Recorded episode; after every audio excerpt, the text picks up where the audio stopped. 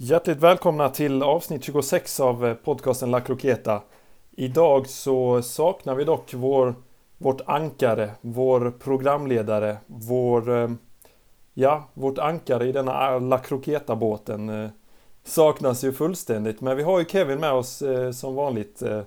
Hur är läget med dig? Jo då Bobo, allt är bra här trots omständigheterna där med vårt ankare som du nämnde är ju borta för den här, för den här episoden. Eh, och vi fick ju på grund av det också ställa in eh, det planerade avsnittet och här fick vi eh, istället komma upp med ett, en, en, en ny idé som jag och Bobo ska köra igenom här för er. Bobo, du kan ju förklara lite mer vad, vad vi ska gå igenom idag. Ja, just det. Alle saknas ju för att han är, är sjuk kan vi nämna också. Men eh, idag har vi eh, slängt ihop ett litet, allt, lite, lite godsaker kan man säga från från det som har varit eh, nu de senaste dagarna. Vi kommer ha en traditionell eh, utlandskoll, en Europakoll med Kevin och sen kommer vi ha en liten eh, en bobokoll med svensk fotboll där jag kommer eh, snacka lite om det senaste där med allsvenskan och superettan och det kvalet som kommer nu kanske. Till och med. Sen går vi över på landslagsdelen lite grann och tänkte prata om Zlatans eventuella comeback eller inte i landslaget. Eh, vad kommer det betyda? Kommer, det, kommer han ens komma tillbaka? Det vet vi liksom inte utan det är många spekulationer. Men det finns eh, många intressanta saker att ta upp där. Och så kom ju igår eh, VM-kvallottningen för eh, VM 2022 i Qatar och Sverige har ju fått sin lottning där. Och den är ju väldigt intressant tycker vi också. Och i slutet av avsnittet så kommer vi ta upp ett väldigt intressant lag Eh, i Champions League som eh, kan vara värda att nämna lite som vi vill uppmärksamma er på. Så att eh, häng kvar så, så drar vi igenom allt det här. Men vi börjar med en traditionell eh, Kevin-koll. Yes, och då börjar vi den här veckan i Spanien, La Liga. Atletico Madrid toppar ju den ligan efter en 2-0 vinst hemma mot Real Valladolid. och Real Sociedad som Eh, då ledde förut, tappade poäng eh, mot Gudettis Alaves. Eh, det blev en 0-0 match där. Annars har snackisen i Spanien den här helgen handlat främst om Barcelona och deras skrällförlust borta mot Cadiz. Tror jag man uttalar det. Och Ter Stegen står ju återigen för en tavla. Den här gången kan han skyddas lite av att Lenglet, Lenglet vad han nu heter. Fransmannen i backlinjen, han agerar ju tveksamt vid ett inkast från eh, Jordi Alba tror jag det eh, Och det ställer ju Ter Stegen helt. Och Alvaro Negredo kan ju utnyttja detta och sätta 2-0 till 2-1 till eh, sitt Cadiz Som även blev slutresultatet i matchen. Och Barcelona tappar ju där. I Tyskland så hade vi en väldigt böljande match mellan topplagen Red Bull Leipzig och Bayern München. 3-3 slutade matchen. Eh, ett väldigt bra resultat för främst Leipzig eh, som åker till Allianz Arena och tar med sig poäng, vilket är väldigt starkt. Bayern München skulle jag ändå säga är eh, världens bästa lag just nu. Ehm, så att, och vad, vad som även kan nämnas där är att Forsberg levererar både assist och mål i matchen. Så att det är väldigt starkt av honom och väldigt starkt av laget i sig. Ehm, I Italien så blev Albin Ekdal faktiskt målskytt för sitt Sampdoria när eh, de mötte Milan. Eh, Milan som leder ligan med 5 poäng. Eh, de tog ju även vinsten i matchen men eh, eh, Ekdal fick göra målet för Sampdoria, eh, vilket är kul att se. Zlatan var ju inte med, han är fortsatt skadad, men vi hoppas att se honom tillbaka snart. Annars är det ju Inter, Napoli, Juve som jagar bakom, men de har ett litet, ett litet gap där till Milan, så att Kul att se att Milan är tillbaka på vinnarspåret igen. Eh, Sassuolo ska också nämnas som ett eh, väldigt skrällag som ligger där uppe i toppen och har eh, en poäng mindre än eh, Juve och Napoli, tror jag det. Eh, de har gjort en väldigt bra säsong, även om de torskade för förra helgen med 0-3 hemma mot Inter. Så, eh, så, så står de en stark säsong Eh, Eh, bakom sig. Eh, de har ju stjärnspelare som till exempel Domenico Berardi och eh, Locatelli tror jag han heter. Så att det finns gott om spelare i det laget och de, de fick en 0-0 match mot Roma nu senast och vi får se vart, vart, vart det kan bära. det här laget. I England så vann alla topp 7-lagen. Eh, Chelsea, Tottenham, Liverpool, Southampton, eh, Leicester, City och United. Alla vann i helgen. Eh, det som är tungt för egen del är ju att Arsenal förlorade ju. Och det var ju på bekostnad av att Tottenham skulle vinna. Det var ju ett North London Derby som spelades. Och det är ju inte varje dag. Det är ju två gånger om året minst. Och det gör ju ont i mitt hjärta att säga det men eh, Spurs för tillfället, för närvarande är ju faktiskt bättre än vad Arsenal Football Club är. Eh, det går inte att motargumentera det. Eh, Spurs vinner rättvist helgens derby. Eh, och Kane och Son fortsätter att briljera. Känns som de är i sin livsform, i alla fall partnerskapet. Nej, så att Spurs är störst i norra London för tillfället och det gör väldigt ont i mitt hjärta att säga det. Eh, så att nej, det är det som har hänt i Europa. Bobo, vad, vad tänker du kring eh, all den här infon? Jag tänker ju att det är mycket ny info här. Jag som inte följer så mycket de europeiska ligorna. Jag är ju mer för de allra största matcherna i Champions League och, och sådär. Och svensk fotboll ligger ju närmast mig. Så det är ju väldigt eh, uppfriskande att få en liten uppfräschning av, eh, av vad som har hänt på det senaste. Ehm, ja, det måste vara tungt som sagt för Arsenal att, att torska mot en, en stor rival sådär. Um, som, som fan, hur känner du? Hur känns det liksom? Eh, nej men det är ju extremt tungt kan jag säga. Eh, för min del är det ju den viktigaste matchen på året. Och jag satt ju bänkad eh, hela, hela de 90 minuterna och det var väldigt tungt att se. Eh, Arsenal hade ju eh, bollen, hade, hade de. Ehm, jag skulle säga nästan 80% bollinnehav hela matchen men Tottenham kontrar ju två mål. De har väl två skott i hela matchen och de gör två mål. De är ju kliniska, Son och Kane. Eh, de gör ju varsina mål. Eh, Arsenal lyckas inte sätta någon av sina chanser och bland sina 2573 inlägg som de gjorde under hela matchen. Eh, så att nej, de, de lyckas inte förvalta någonting och då kan man ju inte vinna fotbollsmatcher. Extremt tungt. Det får jag verkligen säga. Eh, sen är det kul att höra Mourinho efter matchen att han ändå hyllar laget, hyllar Arteta och eh, ber alla liksom ändå fortsätta tro på att det, det, finns någonting här att ta och jag, jag tror ju faktiskt fortfarande på det också. Eh, Arteta ska ingenstans, han ska fortsätta köra på och det, det, det, kommer vända, det kommer vända men eh, det är en väldigt tung period just nu och eh, det är inte det roligaste att hålla på Gunners för tillfället. Intressant det du sa med Mourinhos ödmjuka inställning där mot mot Arsenal efter matchen så såg jag något hopklippt eh, klipp från Fotbollskanalen där de la upp massa olika sådana här pikningar han hade mot, mot Arsenal. Jag tror att de var, jag trodde de var från presskonferensen efter då, men då har de kanske klippt ihop gamla klipp där han har pikat Arsenal tidigare kanske. Men det, det var kanske oväntat att Mourinho hade en så pass ödmjuk inställning gentemot en, en rival så, tänker jag kanske. Ja men verkligen, eh, det är inte vanligt det är inte till vanligheterna att man ser att Mourinho är, visar sin ödmjuka sida. Eh, han har ju visat det lite mer nu eh, Nu när han leder ligan och när det går bra för honom så kan han ju vara lite mer ödmjuk har man ju märkt. Men De gamla dagarna så var det ju verkligen Det var ju många bataljer mellan han och bland annat Wenger då. Det var ju mycket ordkrig sinsemellan de två så att eh, de där klippen som du har sett är nog från gamla dagar för att eh, det här var en, eh, en annan Mourinho som vi såg efter matchen och det var, det var kul att se. Det var det. Var det.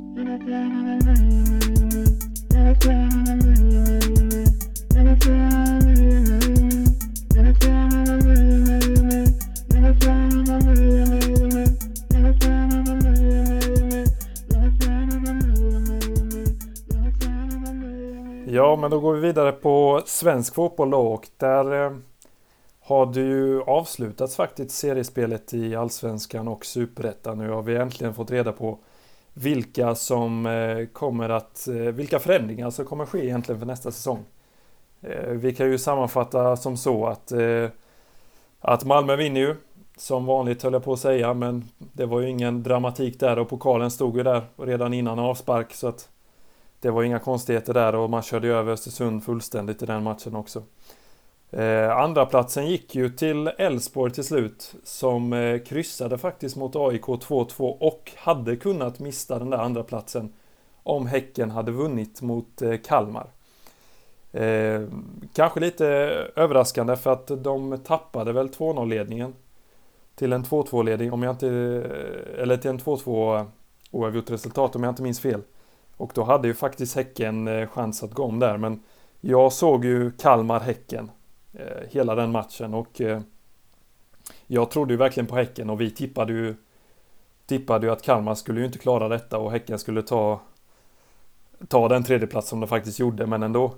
Eh, det kanske mest överraskande var ju kanske att eh, IFK Norrköping eh, sjabblade till det fullständigt där mot eh, ett avsågat Helsingborg som eh, ville bara gå ut och eh, göra helt fantastiska mål. Vi har dels van der Hurk som gör ett eh, helt sjukt mål rakt upp i kryssen och Max Svensson gjorde också ett riktigt bra avslut i krysset där så att jag trodde först inte att det var sant att det stod 3-4 i halvtid. Eh, vilket på något sätt också gjorde att, att matchen mellan Kalmar och Häcken slog av på takten lite.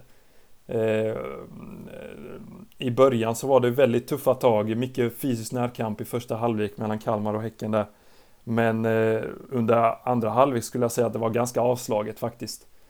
Eh, och när, man, när det närmade sig slutet där så var det väldigt överraskande att, att båda lagen på tilläggstid bara stod och, och eh, trillade boll. Häcken bara rullade bollen i backlinjen och Kalmar brydde sig inte någonting. De behövde inte göra någonting heller för att pressa liksom. Så att eh, Andreas Alm var inne där på att det var en liten pakt de hade. Häcken prioriterade att få den här Europaplatsen före att eh, eventuellt gå om Elfsborg. Eh, var han inne på deras resonemang där. Och det gjorde ju att, att eh, matchen mellan Falkenberg och Mjällby blev ju i slutändan betydelselös i den, i den meningen att det spelade ingen roll att Falkenberg förlorade eller om de hade vunnit så hade det inte gjort någonting heller. Ehm, så sammanfattningsvis kan man ju säga att att eh, Elfsborg tar den andra platsen och Häcken tar tredjeplatsen och kommer gå ut i ett kval till Europa Conference League som är det här nya upplägget Eh, som går till andra och tredje placerade lag i Allsvenskan. I botten kan vi konstatera att Helsingborg åkte ut och att Falkenberg också åkte. Eh, och kvalet går då till Kalmar som får möta J Södra i dubbelmöte som börjar imorgon onsdag då och retur på söndag. Väldigt intressant. Detta kommer vi ju ta oss vidare sen, eh, eller ta vidare sen i de här nästgående avsnitten som vi har eh, eh, vad ska man säga? Vi har marknadsfört dem lite för er eh, när vi ska gå igenom Allsvenskan och Superettan och våra egna tips som vi gjorde i början av våran podcastkarriär om man ska kalla det så. Eh, men det är intressant fakta du lägger här och det är ju helt klart så att eh, det var en spännande allsvensk sista omgång. Du nämner någonting här om att eh, Häcken slår lite på takten för att de kände väl att eh, tredjeplatsen var säkrad. Men eh, när jag ser tabellen så om IFK Norrköping hade gjort två snabba mål så hade det ju faktiskt tagit dem förbi Häcken. Ja, ja exakt. Andreas Alm var inne på den eh, diskussionen faktiskt. Att, att det kunde ju eh, vända liksom. Stod 3-4 i paus. Och då eh, kanske varför skulle inte Norrköping kunna vända tillbaka? De vände ju 0-1 till 2-1 och så vidare. Så varför inte 5-4 liksom?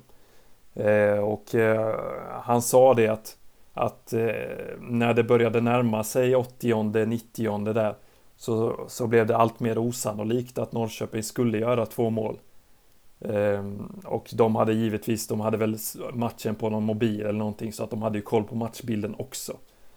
Ehm, så därför så kände de, eller var, var deras resonemang att de behöver inte gå framåt och riskera ett baklängesmål eh, mot Kalmar eller de behöver inte släppa till fasta mot Kalmar som är starka där liksom. Så på det sättet så gjorde man den bedömningen och det föll ju liksom perfekt ut för deras del.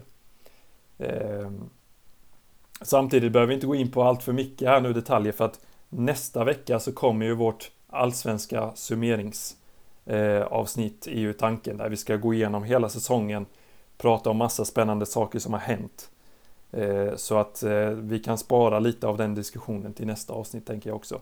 Men Superettan får vi också gå in på. Den avgjordes ju under lördagen och det blev ju framförallt spännande i i botten. Men i toppen så var det ju faktiskt sista chansen nu för Degerfors att, att ta den där direktplatsen och man mötte ju ett avsågat eh, bottenjumbo eh, då i form av Ljungskile som inte fick spela på sin hemmaplan utan fick eh, spela på konstgräset i, i Bravida Arena. Och eh, det var ju så att första halvlek där var ju väldigt eh, böljande får man verkligen säga. Ljungskile hade goda chanser att göra mål och ta ledningen där. Eh, men eh, i och med 1-0 målet som de fick så var det verkligen en, vad ska man säga, en, en eh, propplösare eller någonting sånt kan man säga. Och sen andra halvlek var ju, var ju inte ens jättespännande där. Så att det var ju ganska väntat att de skulle vinna Degerfors och de vann till slut med 3-0 också. Vilket gjorde att J Södra inte hade någon chans att ta en direktplats. Men man mötte ju Akropolis och hade ju en 1-0-ledning där. Fick en bra start men eh, det blev till slut 1-1 i den matchen och det hade ju inte räckt. I vart fall. Eh, även om Degerfors hade förlorat. Så att eh, Halmstad-Degerfors går upp och J Södra kvalar som sagt mot Kalmar nu i veckan. I botten så var det också intressant till viss del eftersom att det var många lag som var inblandade där till slut och det var eh, Geis och Dalkurd som möttes också som vilket var en, eh, en riktig bottenfight där. Men eh, Geis hade ju ett gynnsammare läge än, än Dalkurd. Men det blir ju så till slut att eh, Trelleborg kom på trettonde plats och får kvala negativt och de möter De kommer möta Brommapojkarna då från, eh, från ettan norra. Det kvalet avgörs ju också nu i veckan, onsdag, söndag. Och eh, Dalkurd kom på 14 plats och kommer då få möta Landskrona Boys från ettan södra. Eh, båda de här matcherna går på onsdag eh, kväll och på söndag. Så ni som vill följa de matcherna vet om det. Och så kan vi konstatera att Umeå och Ljungskile får lämna Superettan det här året. Intressant. Eh, vi kommer ju att eh, fördjupa oss i det här också eh, när vi kör våran Superettan-summering som du nämnde där innan. Så att det finns inte så mycket att kommentera just nu. Man får väl gratulera Degerfors till att de klarade det. Eh, som vi även trodde i förra poddavsnittet. Eh, och sen får vi väl önska lycka till till eh, alla inblandade i nedflyttningsstrider. Eh, må bästa man vinna. Eh, kan ju nämna att det hade varit kul att se BP tillbaka i Superettan. Eh, det hade varit kul att se. Men samtidigt, Trelleborg är ett... Eh, Trelleborg är ett... Eh, Ja men de tillhör väl på något sätt... Är ett klassiskt lag. Ja exakt. Ja, det, är ett, klassiskt det får man ju lag, säga. Verkligen. Så, det, så det, det, det, blir en kul fight. Eh, att eh, hänga med jag tänkte på det här med de nedflyttade lagen som Helsingborg, Falkenberg eh, och så, ja vi får ju se om Kalmar ska kvala. Eh, vi får se om de åker ner också eller inte. Eh, vad tror du? Eh, om jag säger Eddie Sulisufaj, Martin Olsson, Max Svensson Anthony van den Hurk. Kommer de spela i Superettan nästa säsong eller eh, tror du att de letar sig uppåt? Eh, till en allsvensk klubb eller ut i Europa? Vad, vad, vad tror du om de här Helsingborg-Falkenberg-spelarna som är lite för bra för Superettan? Ja, det är ju verkligen frågan vad som händer med dem. Eh, jag tror att definitivt Anthony van den Hurk kommer inte stanna i Helsingborg. Han har gjort det väldigt bra i Allsvenskan och det finns intresset säkert från andra klubbar i Allsvenskan men även utomlands kan jag tänka mig också. Så att eh, han tror jag inte går någon, ja, han kommer nog lämna.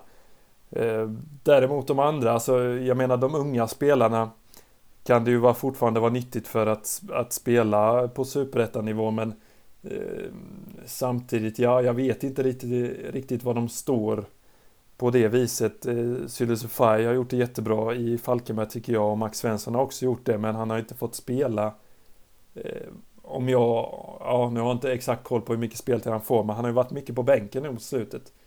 Eh, kan jag i alla fall konstatera så att eh, ja, jag vet inte, Helsingborg har ju snackat om att de ska städa upp nu och det är liksom styrelse och tränare och allt möjligt eh, och Granqvist som är sportchef där ska ska försöka vända den här negativa trenden och gå upp så fort som möjligt igen i Allsvenskan. Så att det kommer hända mycket i Helsingborg och kommer förmodligen hända en hel del i Falkenberg också tänker jag. Så att, ja, det återstår väl att se. Ja, men då lämnar vi eh, klubblagsfotbollen och den svenska fotbollen och går över till det svenska landslaget eh, som återigen är, är aktuellt nu i och med VM-lottningen, VM-kvallottningen som kom igår. Tyvärr missade jag lottningen, det är alltid spännande att, att se de här lottningarna. Det var ju live-studio där med eh, Janne Andersson och Wettergren tror jag i, i i studion där i samband med lottningen. Men jag tittade faktiskt på lottningen i efterhand för jag tyckte det var så spännande ändå. Men vi kan ju konstatera att än en gång blir det ju Spanien som Sverige får brottas med. Det var väl inte det motståndet som eh, ärligt talat vi hade hoppats på. Eh, får vi säga. Det finns ju några svagare lag i, i A-potten eller i första divisionen eller vad man kallar den högsta potten i, i lottningen. Men de övriga lagen är ju Grekland, vi har Georgien och vi har Kosovo. Eh, det är de fem lagen och är det något positivt med gruppen så är det väl kanske att, att de andra tre lagen kanske inte skrämmer jättemycket faktiskt. Så Sverige känns som en ganska ohotad tvåa vill jag ändå, vill jag ändå påstå. Och det är ju positivt också att man hamnade i en femlagsgrupp nu när det är så tajt spelschema för det här VM eh, VM sluts eh, VM-kvalet kvalet. Det är ju så att eh, hela det här kvalet ska avgöras under 2021 och under sommaren så är det ju dags för EM 2021. Så att där går ju en månad åt landslagsfotbollen. Så man kommer ju ha en storsamling i mars här där jag tror att det är tre matcher eh, på en samling och sen så kommer det vara lite utspritt och sen kommer jag tro jag att det var en till storsamling med tre matcher till eh, följt av lite utspridda matcher, kanske två matcher på någon samling jag har inte koll på exakt, eh, exakta spelschemat men de lagen som är sex lag i en grupp, det innebär att de får två extra matcher också. Vilket kan vara rätt slitsamt när det ska avgöras på så kort tid. Men, men vi kan väl eh, gå igenom eh, motståndarlaget Eh, eh Kevin, ja du kan få eh, utveckla det här lite vad, vad du har för tankar om den lottningen som vi har fått nu. Eh, min första tanke är ju självklart att, eh, eller självklart att eh, det känns som, det känns positivt, väldigt positivt att få fem, lagsgrupp. Eh, särskilt när du nämner eh, hur det ska se ut, att vi ska spela hela kvalet under 2021 så är det ju positivt med lite mer vila än de andra lagen. Eh, och sen är det också en femmannagrupp. Det, det, det, det betyder ju också att det är lite lättare att komma två, eh, eller etta för den delen. Eh, känns det som. Eftersom det inte är lika... Det är inte lika många motståndare att ta sig förbi. Helt enkelt. Eh, och det känns... Eh, det känns ju tufft såklart att få Spanien igen. Såklart. Spanien är ju en världsnation. En riktigt bra sådan också. Så den, den, den lottningen är ju... Det är typiskt att vi ska få Spanien. Men sen Grekland, Georgien, Kosovo. Det är såklart att det är lag som det går att slå. Eh, och Sverige, som du säger, ska ju komma två i den här gruppen. Eh, om allting går som tänkt. Eh, men det är klart man vill ut, utmana Spanien om den där första platsen och det gäller ju att göra en bra hemmamatch för att sedan eh, prestera även i Spanien på bortaplan då. Så får vi se vad det, vad det tar oss. Eh, men eh, förutom Spanien då så, så ska man ju fokusera på att slå de här, de här andra lagen. Eh, och Grekland, eh, Grekland borta känns som en eh, tuff match på förhand. Men eh, det känns verkligen som Sverige, alltså som något Sverige ska kunna klara av. Ehm, även om den är lite av det tuffare snåret. Och de andra två lagen får ju ursäkta lite. Att jag inte nämner dem så mycket men Georgien och Kosovo har väl inte presterat eh, på den yppersta nivån på den senaste tiden. Så att, ehm, nej vi får se. Eh, Bobo, vad, vad tänker du? Eh, när du, när du får se, när du fick se den här gruppen? Eh, ja, alltså Spanien behöver vi inte nämna så mycket mer om, men jag tänker Grekland där. Jag lyssnade på studion efteråt med, med SVT som sände den och Daniel Alskog där och Chris Härenstam hade en diskussion där om Grekland. Som kanske är den största utmaningen här att, att man har varit ett mycket mer defensivt landslag tidigare men nu har man fått in en, en mer offensiv eh, tränare i och med tränarbytet och man har ett par unga spelare som verkar verkar vara giftiga så att eh, man ska nog se upp lite med Grekland. Eh, samtidigt så är det ju så att det är ju inte det starkaste laget i pott 3. hade man haft riktigt otur så hade vi fått eh, till exempel Ryssland som ligger där och det är ju kanske det starkaste laget i den potten. Så på det sättet så kom väl eh, ganska bra undan där. Vi hade väl kanske fått en enklare lottning i form av eh, Nordirland som ligger i den gruppen. Kanske Irland också. Eh, Tjeckien, Ungern kanske hade varit någonting också. Eh, så att eh, det, visst, det var en helt okej okay trea eh, man fick i den. Georgien, det känns som sex poäng ska in i den, i de mötena. Eh, det är ju tufft att åka ner till, till Georgien och få den långa bortaresan. Men det gäller att man verkligen gör jobbet där för att, eh, för att ta de poängen. I pott 5 så var ju, eller kan vi konstatera att Kosovo är väl kanske det starkaste laget i pott 5. De är ju väldigt jobbiga att möta och eh, den spontana reaktionen från studion var där bara man inte får Kosovo i, i sin grupp. Men oturligt nog så var det de som drogs först och då blev det i Sveriges grupp eh, att de hamnade där. Så att ja, det är väl kanske ett litet orosmoment men jag tror ändå att vi har goda chanser att, att göra bra ifrån oss i kvalet. Däremot så får man ju komma ihåg i, hur det går till när man kvalificerar sig till VM 2022. Det är ju inte lika lätt som att ta sig till ett EM-slutspel, eh, bland annat. Det är ju så att eh, gruppettorna går ju direkt till VM, direkt kvalificerade.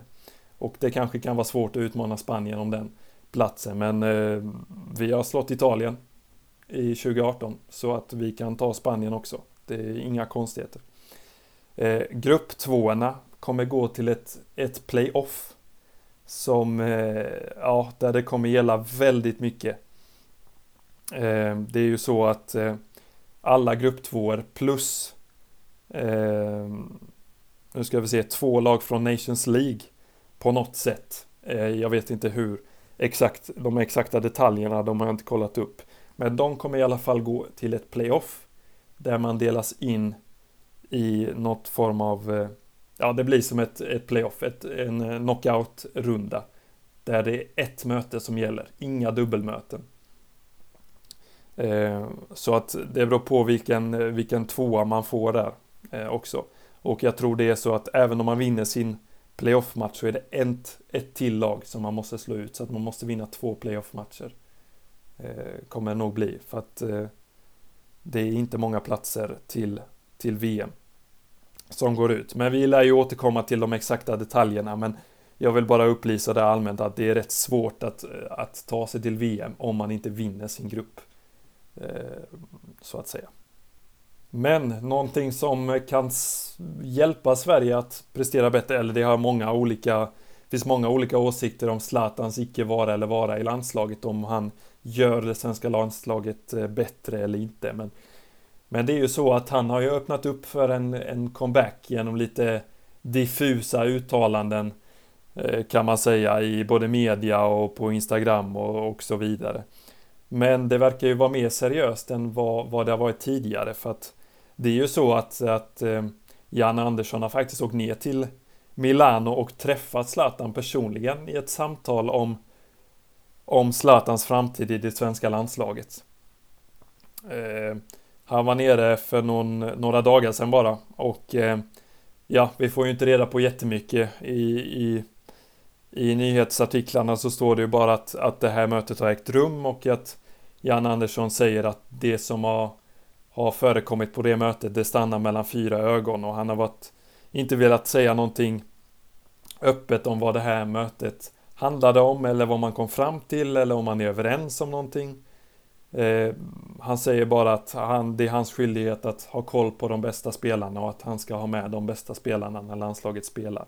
För att kunna göra så bra resultat som möjligt och det är ju frågan om eh, Zlatan ska komma tillbaka till landslaget Eh, eller inte. Får jag dra en allmän fråga och säga vad du har för syn på, på Rekev? Ja, den frågan får du gärna ställa till mig. Eh... Nej men eh, det är klart att det hade varit sjukt spännande, eh, sjukt kul och väldigt intressant om detta nu skulle ske. om Janne får till det här och att få in Zlatan på ett bra sätt i laget så är det såklart att det stärker landslaget.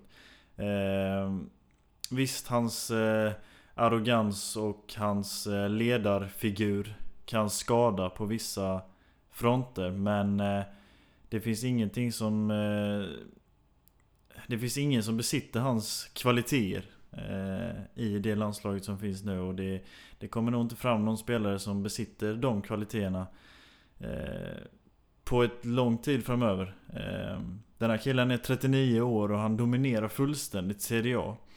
Ehm, nej, det, för mig är det ju inget snack. Om det, om det finns en möjlighet så är det klart att han ska tillbaka in. Eh, för han stärker det här laget. Och sen, sen gäller det för Janne att få ihop, få ihop det så att allting funkar. Eh, han måste ju få in honom bra i laget. Man kan liksom inte bara stoppa in honom och sen be han göra skillnad. Utan man får ju ändå ha en, eh, en bra matchplan för att få, få till så att han kan komma in, komma in bra i spelet och, och och så att det inte skapar oreda. Eh, jag tror att eh, de flesta spelarna även vill se han tillbaka och fansen framförallt. När, om vi nu skulle få fans till, tillbaka till arenorna någon gång i vår. Eh, så är ju Zlatan då ytterligare en, en, en aspekt som gör att det kommer komma ännu fler folk och kolla på matcherna. Eh, suget, det blir ju bara större och större. Eh, och han är ju en stor orsak till det. Eh, verkligen. Så att nej, jag, jag, jag tycker ju att eh, Zlatan ska tillbaka om det finns en möjlighet. Eh, vad, vad, tycker du Bo? Jo, men jag tänker lite på det du var inne på. Eh, det är inget snack om att Zlatan är liksom eh, kanske den främsta svenska spelaren som vi har haft. Men eh, Janne Anderssons landslag förklippar man ju mycket med, med lagbygget. Att eh, utan de stora stjärnorna, det defensiva stabiliteten och eh, förmågan att, att jobba som ett lag och eh, gå fram och, eh, och avgöra matcher som ett lag utan de stora stjärnorna. Zlatan vill ju, om man plockar in Zlatan så så kan det ju bli så att Zlatan Zlatan vill ju ha mycket makt, han vill bestämma mycket, han vill kliva fram, han vill visa ledarskap på sitt sätt. Eh, och det är frågan hur, hur det kommer gå både spelmässigt och i gruppen. Hur det kommer funka. Eh, med det laget. För nu har ju landslaget vant sig, man förknippar ju Zlatans tid med landslaget som en tid för några år sedan liksom. Och det har hänt en hel del sedan dess. Vi har fått fram nya unga spelare. Dejan Kulusevski, Alexander Isak, eh, vi har Quaison till exempel. Det kommer bli en stor eh, konkurrens på anfallet tänker jag där. Marcus Berg har vi också som, som gör ett riktigt hästjobb där framme. Eh, så att det kommer bli en, en konkurrenssituation och Zlatan kommer ju ta en av de platserna om han är, om han är aktuell för landslaget. För annars kommer han aldrig komma in i, eller kommer han aldrig tacka ja till att, att eh, spela med landslaget.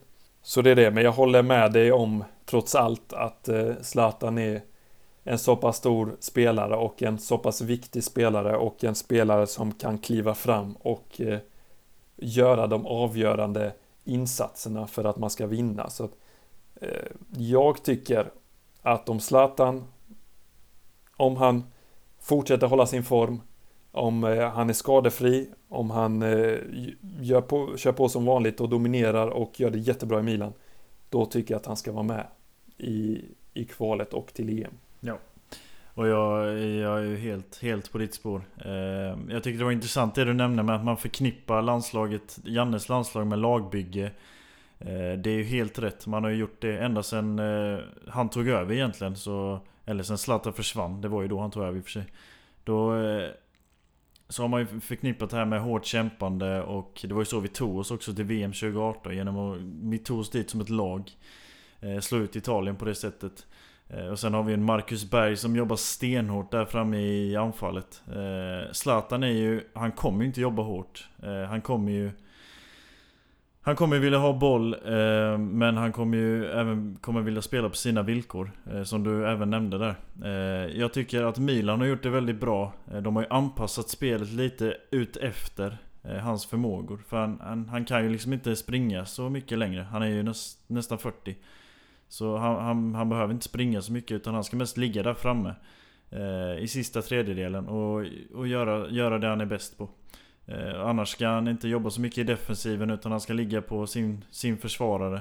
Eh, och så vidare. Så Milan har ju fått det att funka på det sättet och han har ju verkligen med sin ledarfigur höjt upp det hela det laget.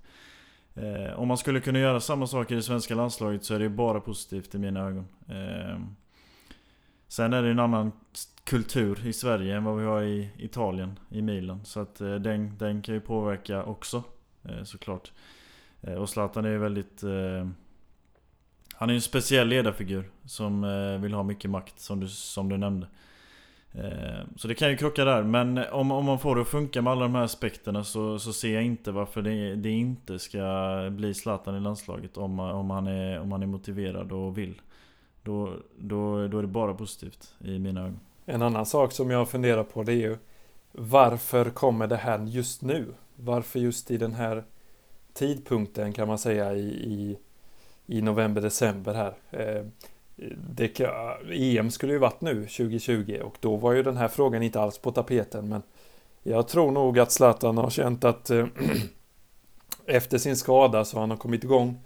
Han känner att han fortfarande är stark han, och han är nog sugen på ett EM 2021. Det tror jag också. Eh, han fick ju se Sverige kvalificera sig till VM 2018. Slå ut Italien. Jag tror han ser mycket potential i det här laget. Och då tror jag också att när han, han vet att vi kan gå långt så vill han ju eh, såklart bidra också. Och köra en sista sväng i landslaget. Men som sagt, det är mycket osäkert nu eh, vad det här kommer leda till. Det känns eh, Även om, om det har funnits ett möte så känns det fortfarande som att det är mycket spekulationer eh, och så vidare. Så att det är fortfarande mycket osäkert om Zlatan ens kommer att... Om vi kommer få se honom i den gulblåa tröjan igen. Eh, faktiskt. Så att eh, det får man också konstatera tycker jag ändå. Ja exakt, och som, som vi nämnde i podden i avsnitt 5 tror jag det var så snackade vi om Zlatans återkomst till Sverige och Bayern snackade vi om då ju. Men det, det, det skedde ju aldrig då. Eh, men det var ju också på tapeten då att han skulle trappa ner karriären lite kanske. Men eh, som vi alla känner Zlatan så är han ju en enorm eh, tävlingsmänniska. Eh, och han vill ju vinna i alla dueller, alla situationer, på träning, match, allting. Han ska alltid vinna. Eh, det har han ju visat nu när han istället för att gå hem till Bayern så gick han ju till Milan. Och det visar ju att han, han verkligen fortfarande vill eh, liksom tävla på den högsta, allra högsta nivån. Och jag tror det är det också som har gjort så att eh, han, han, har gjort, han har gjort sig själv aktuell för landslaget. Han är liksom, han är värdig att kunna snacka om att komma tillbaka nu när han ändå presterar som han gör. Om han, om han hade spelat i Bologna, Bayern eller spelat i Milan och inte alls presterat så tror jag inte det hade varit på tapeten på samma sätt. Det är fortfarande Sveriges genom alla, genom alla tiders bästa fotbollsspelare men just som han presterar i det här tillfället så är det verkligen Det är tillfälle för honom att snacka. Nu om eh, någon gång. Ja, exakt. Jag håller med där och det verkar ju snarare som att Zlatan trappar upp nu när han märker att nu, nu är formen riktigt där och han känner sig stark och så vidare. Så att jag tror väl att Zlatan vill väl spela så länge han, han kan, så länge kroppen håller. Eh, och då har han säkert några år till kanske. Eh, är min eh, vilda spekulation. Men eh, man får ju bara hoppas att han spelar så länge som möjligt oavsett om han spelar i landslaget eller inte. Som när vi låg där och svalna Två unga själar bland gammal dynamit. Behöver inte förklara Oron som burit oss båda Blir svartvita lakan i natten. Kyss mig farväl. Ja, och nu ska vi avsluta med den lilla överraskningen som jag nämnde här i början det här mycket spännande laget som jag utlovade att vi skulle prata lite om. Det är ju så att eh, Champions League avgörs nu, eh, alltså gruppspelet nu precis innan uppehållet här kan man säga. Eh, det så kallade vanliga uppehållet då när man håller i Champions League från december till februari. Och då ska ju gruppspelet avgöras och sista matchen spelas i, ikväll. Vi spelar in på tisdag och så är det imorgon onsdag. Och då finns det en grupp som är väldigt intressant och där ett väldigt intressant och överraskande lag leder den gruppen och det är ju det tyska laget Borussia Mönchengladbach som har överraskat faktiskt eh, får jag säga den gruppen. De leder ju där med åtta poäng inspelade och bakom där så har vi ju eh, Shakhtar Donetsk vi har eh, Real Madrid och så har vi Inter i en otroligt jämn grupp som kommer att avgöras imorgon onsdag kväll. Och det är ju så att man har den här kanske eh, oväntade vändningen i den här tabellen. Man tror väl kanske att det är Real och Inter som går vidare där, men man har verkligen kastat om den här duellen och Shakhtar, eller den här gruppen och Shakhtar har överraskat väldigt mycket också. Men i och med Mönchengladbachs eh, Eh, fina prestationer så tänkte vi lyfta dem lite extra här. Eh, för mig som inte har så bra koll på de här eh, på det här, just det här laget Kevin, kan du nämna någon intressant aspekt eller spelare som, som kan vara värt att, att nämna? Jo, det är klart jag kan. Jag tänkte bara först säga här att det är väldigt intressant att Sjachtar Shakhtar Donetsk, som ändå har gjort det bra, slått Real Madrid två gånger. Två gånger om faktiskt. Eh, de förlorade ju sammanlagt 10-0 mot Borussia Mönchengladbach, vilket är rätt sjukt. 6-0 på hemmaplan, eller 0-6 på hemmaplan då. Eh, och så 4-0 eh, i Tyskland. Och ändå ligger man tvåa. Eh, vilket är sjukt enormt starkt. Eh, man ligger ju före då Real Madrid och Inter. Eh, skiljer ju tre poäng mellan alla lagen och alla kan ju fortfarande gå vidare in i sista omgången. Mönchengladbach möter ju Real Madrid, eh, en öppen match. Real Madrid bör ju, eh, för deras egna skull, vinna den matchen. Men eh, som vi säger här, Mönchengladbach är ett intressant lag. Och det finns många spelare som är, som är intressanta i mina ögon. Eh, de som har fastnat främst är väl eh, Marcus Thuram. Eh, den unga fransmannen som eh, håller till främst på vänsterflanken. Eh, han är ju son till eh, farsan Lilian Thuram som eh, var en stor legendarisk fotbollsspelare i Frankrike. Nej, Marcus Thuram. Han har ju imponerat mig väldigt mycket. Han gjorde inte mål i den här 6-0 vinsten mot Shakhtar men Annars har han stått för väldigt fina prestationer. Han är ju en stor, stark spelare. Eh, och han besitter tekniska kvaliteter, ett bra avslut. Eh, och han, han är ju ung. Eh, så att han, han har ju stor potential att verkligen blomma ut. Eh, man väntar väl på det här riktiga genombrottet.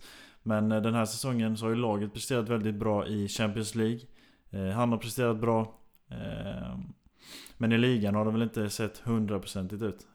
Laget ligger ju sjua där. Så att där behöver man väl steppa upp lite. Men Turam är en väldigt fin spelare. Vi har Alassane Plea. Eh, hans eh, anfallskollega kan man väl ändå kalla det. Turam är ju anfallare från början men har hållit till nu på vänsterkanten här i och med att Plea har fått spela anfallare och de kör med en ensam nia mestadels. De kan köra upp två anfallare ibland eh, och då kommer ju Turam upp. Men eh, Plea brukar ju hålla till där. Han gjorde ju två mål senast mot Inter i den förlustmatchen när de förlorade 2-3. Eh, en spelare också från Frankrike. Eh, kommer från Nice. Eh, han kom dit från Nice 2018. Eh, och har presterat väldigt bra. Han är en, eh, han är en kortväxt anfallare. Eh, men han, han gör mycket mål och han, han, han står alltid på rätt plats känns det som. Eh, väldigt bra skott. Eh, och en spelare att hålla, hålla koll på helt enkelt. Sen har de ju tyska landsmän på mitten. Lars Stindel, Jonas Hoffman, Florian Neuhaus, Christoph Kramer. Eh, ett tyskt mittfält helt enkelt med... Sen har de även en schweizare som heter Dennis Zakaria tror jag. En stor stark spelare. Men eh, de här tyska spelarna de har på mittfältet det är ju... Eh, det också som har varit den här... En, en stor pusselbit till att framgången har blivit av. Så det ska man ju nämna. Och sen en backlinje med Eh, Nico Elvedi och Mattias Ginter som in, innebackar. Eh, en tysk och en schweizare där också. Eh, två bra spelare. Som har presterat bra. Och sen har vi ju eh, en spelare som du känner igen Bobo, Jan Sommer i målet. Eh, har du något att säga om den här schweiziska landsmannen? Ja, just det. Han känner jag igen ju. Eh, han har ju spelat eh, länge i, i landslaget och har ju tillhört Mönchengladbach i, i många säsonger. Kom dit 2014 eh, från Basel då, som han har stått i sju år där också. Så han har varit väldigt trogen till sina lag och har gjort över 200 matcher för, för sitt gäng och bidrar med den stabiliteten där bak som, som behövs för ett sånt, eh, sånt lag som möter så pass tunga motståndare och offensiva motståndare som ändå finns i den här gruppen. Eh, så han bidrar helt klart med, med rutin och stabilitet där i, i backlinjen. Exakt, och, och sen kan jag även nämna den här vänsterbacken som jag även har nämnt i podden tidigare. Jag tycker om honom väldigt mycket. Rami Benzebaini. Eh, det är en storväxt vänsterback. Eh, men han är ändå snabb, teknisk, bra passningsfot. Eh, den här, han kommer från Algeriet. Eh, jag gillar han starkt. Han konkurrerar ju med svensken Oscar Vento. Oscar Vento som faktiskt har presterat i Champions League, gjort det bra, gjorde även mål. Har jag för mig. Om det var i ligan eller Champions League har jag tyvärr inte koll på men eh, Han gjorde ju mål i någon av matcherna och eh, det är ju kul. Kul när svenskar gör mål. Eh, men Rami Benzebaini är ju lite av en favorit för egen del. Så att han ska man även ha koll på. Men det, det, nu har jag nästan nämnt alla spelare och det, det visar ju ändå vilket lag de har. Eller vad tycker du Bobo? Det, det känns ju ändå som de har det här starka laget. Om man ändå nämner hela startelvan. Ja, absolut är det så och det är ju en tuff konkurrenssituation där för, för Oscar Wendt ju. Eh, han gjorde ju mål som du sa där i, i Champions League mot Shakhtar i 4-0 vinsten där hemma. Eh, så är det och eh, Mönchengladbach eh, får man ju säga, de tillhör ju toppen av Bundesliga också. Eh, har ju spelat bra under ett, eh, ett bra tag framöver, eller fram tills nu.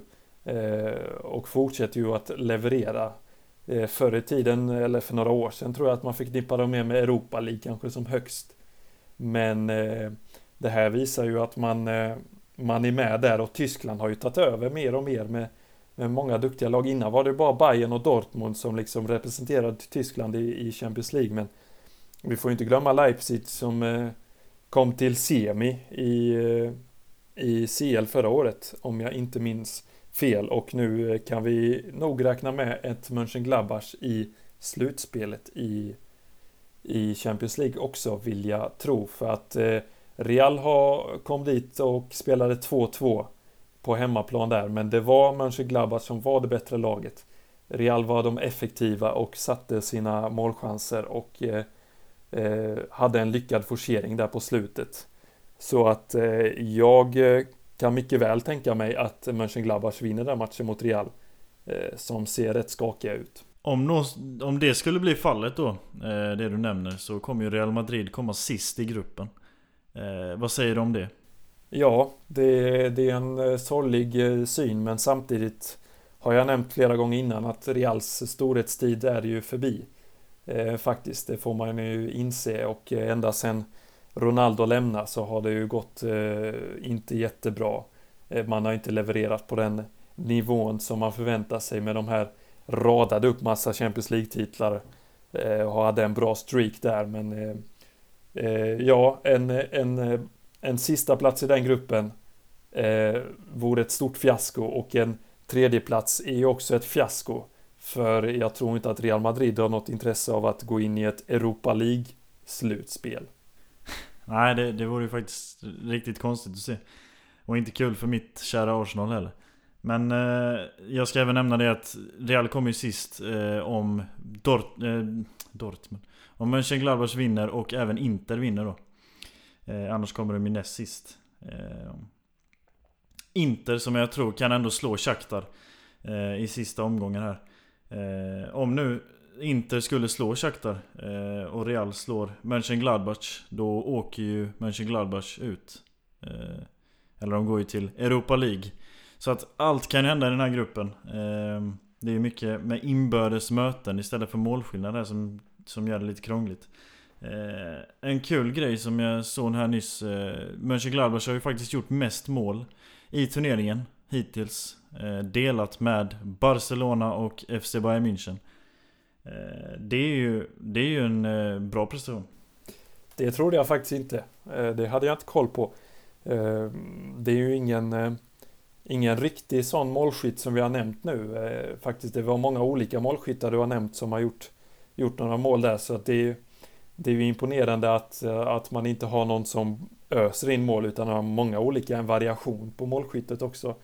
Vilket visar att det finns många bra avslutare och många bra offensiva kvaliteter i det här gänget. Så att eh, ja, det är spännande och man eh, har ju det bästa, den bästa utgångspositionen i gruppen nu eftersom man har flest poäng inför det här avgörandet imorgon. Så att eh, det ska bli väldigt spännande att se om om Mönchengladbach kommer gå vidare här. Men du tror alltså på att Mönchengladbach vinner gruppen och sen tror du att... Ja, nej, jag får... Man gillar ju att tippa och gillar ju att förutse eh, vad som kommer hända. Så att... Eh, och vågade tipp är alltid roliga att ha, så att jag... Jag eh, tippar att Mönchengladbach vinner mot Real Madrid.